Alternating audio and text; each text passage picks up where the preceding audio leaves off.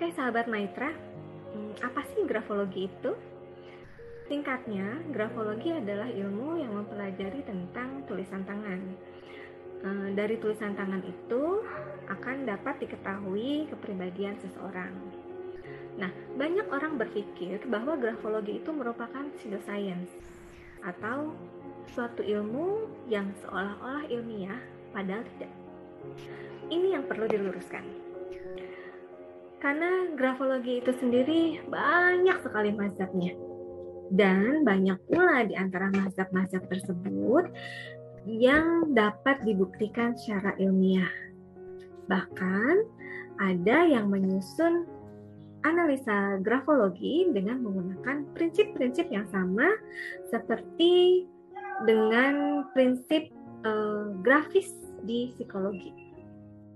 Nah, meskipun kental nuansa psikologinya, grafologi sendiri bukanlah cabang ilmu dari psikologi. Artinya, seorang grafolog tidak harus psikolog. Dan psikolog pun tidak otomatis menjadi grafolog. Kelebihannya dari grafologi sendiri adalah prosedurnya cukup simpel karena orang yang bersangkutan hanya perlu menuliskan apa pun yang ingin ia tulis. Tidak memerlukan alat-alat tes khusus untuk digunakan.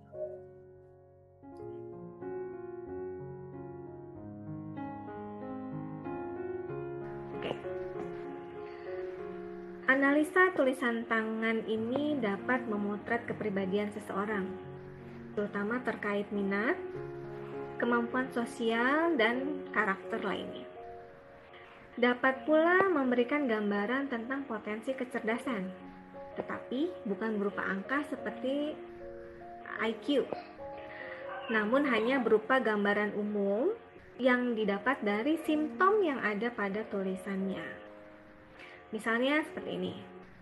Dari tulisannya diketahui bahwa uh, seseorang itu memiliki kemampuan analisa yang tinggi dan ditunjang dengan kemampuannya dalam memperhatikan hal-hal yang detail. Nah, dari sini kita bisa simpulkan bahwa orang ini mempunyai kemampuan berpikir yang baik. Artinya, potensi kecerdasannya pun cukup baik.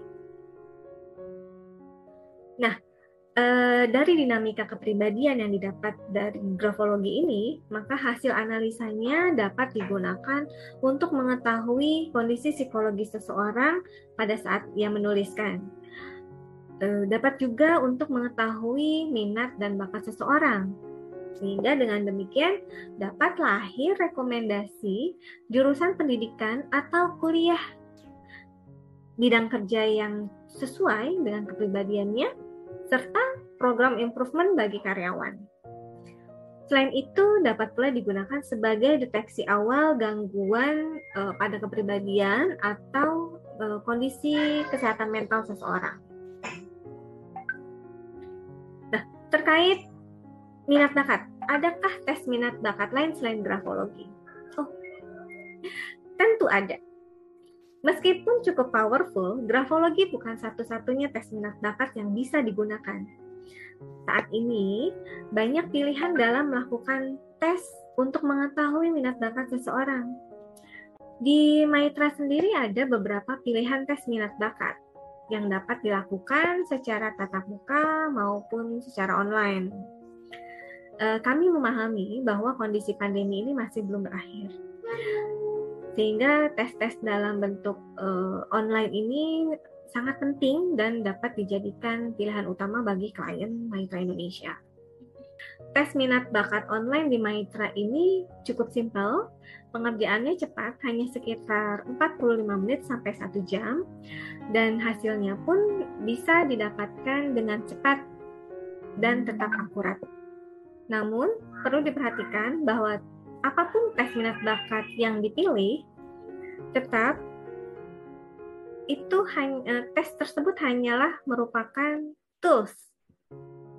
Artinya, diperlukan orang-orang yang kompeten yang dapat uh, mengartikan hasil tes tersebut menjadi suatu hal yang bermakna yang tepat guna. Untuk uh, mengetahui lebih lanjut terkait tes minat bakat online yang ada di Maitra, dapat menghubungi admin kami. Terima kasih.